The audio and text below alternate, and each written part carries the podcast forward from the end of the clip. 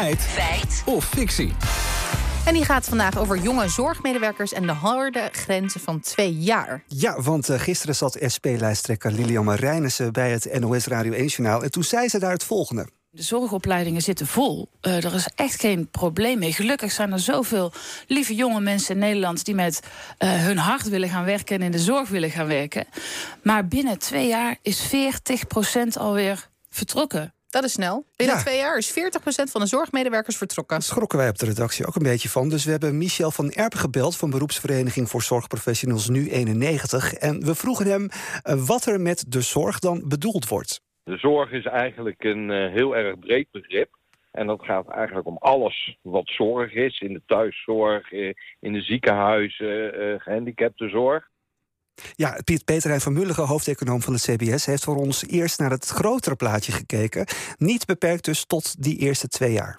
Als je kijkt naar de mensen die echt uit de zorg gaan, dan zie je dat bij de verpleging dat ieder kwartaal ongeveer 1 op de 10 werknemers is voor wie dat geldt.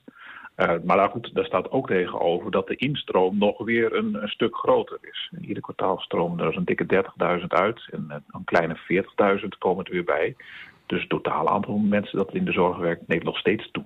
Oké, okay, instroom is altijd nog hoger dan een uitstroom. Waar haalt Marijnissen die 40% onder jonge mensen dan vandaan? Ja, die uh, vraag stelde ik aan uh, Van Erp, wat zijn ervaring is. Het cijfer van 40% wat vertrekt binnen twee jaar...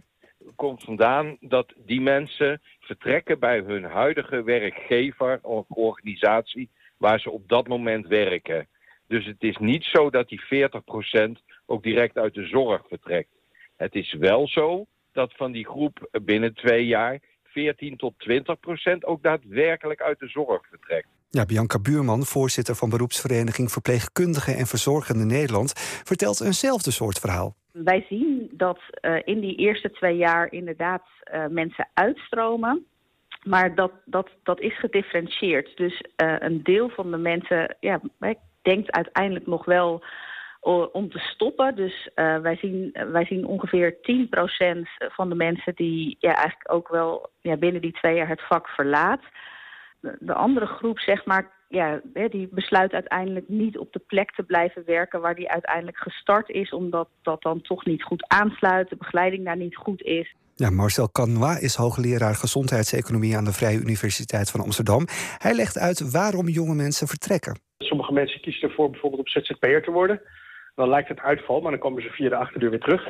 Dan is het ook nog eens een keer zo dat voor jongeren arbeidsmarkt op dit moment vrij lucratief is. En er dus ook alternatieven zijn. Als de werkdruk dan tegenvalt, heeft men misschien ook wel uh, alternatieven. Ja, zoals overal. Maar goed, terug naar het begin. Lammert, binnen twee jaar is 40% van de zorgmedewerkers weer vertrokken. Nou, allereerst zijn zorg en zorgmedewerkers natuurlijk brede begrippen. Kijken we naar de verpleging en verzorging, dan zien beroepsverenigingen zeker dat jonge mensen inderdaad binnen twee jaar vertrekken.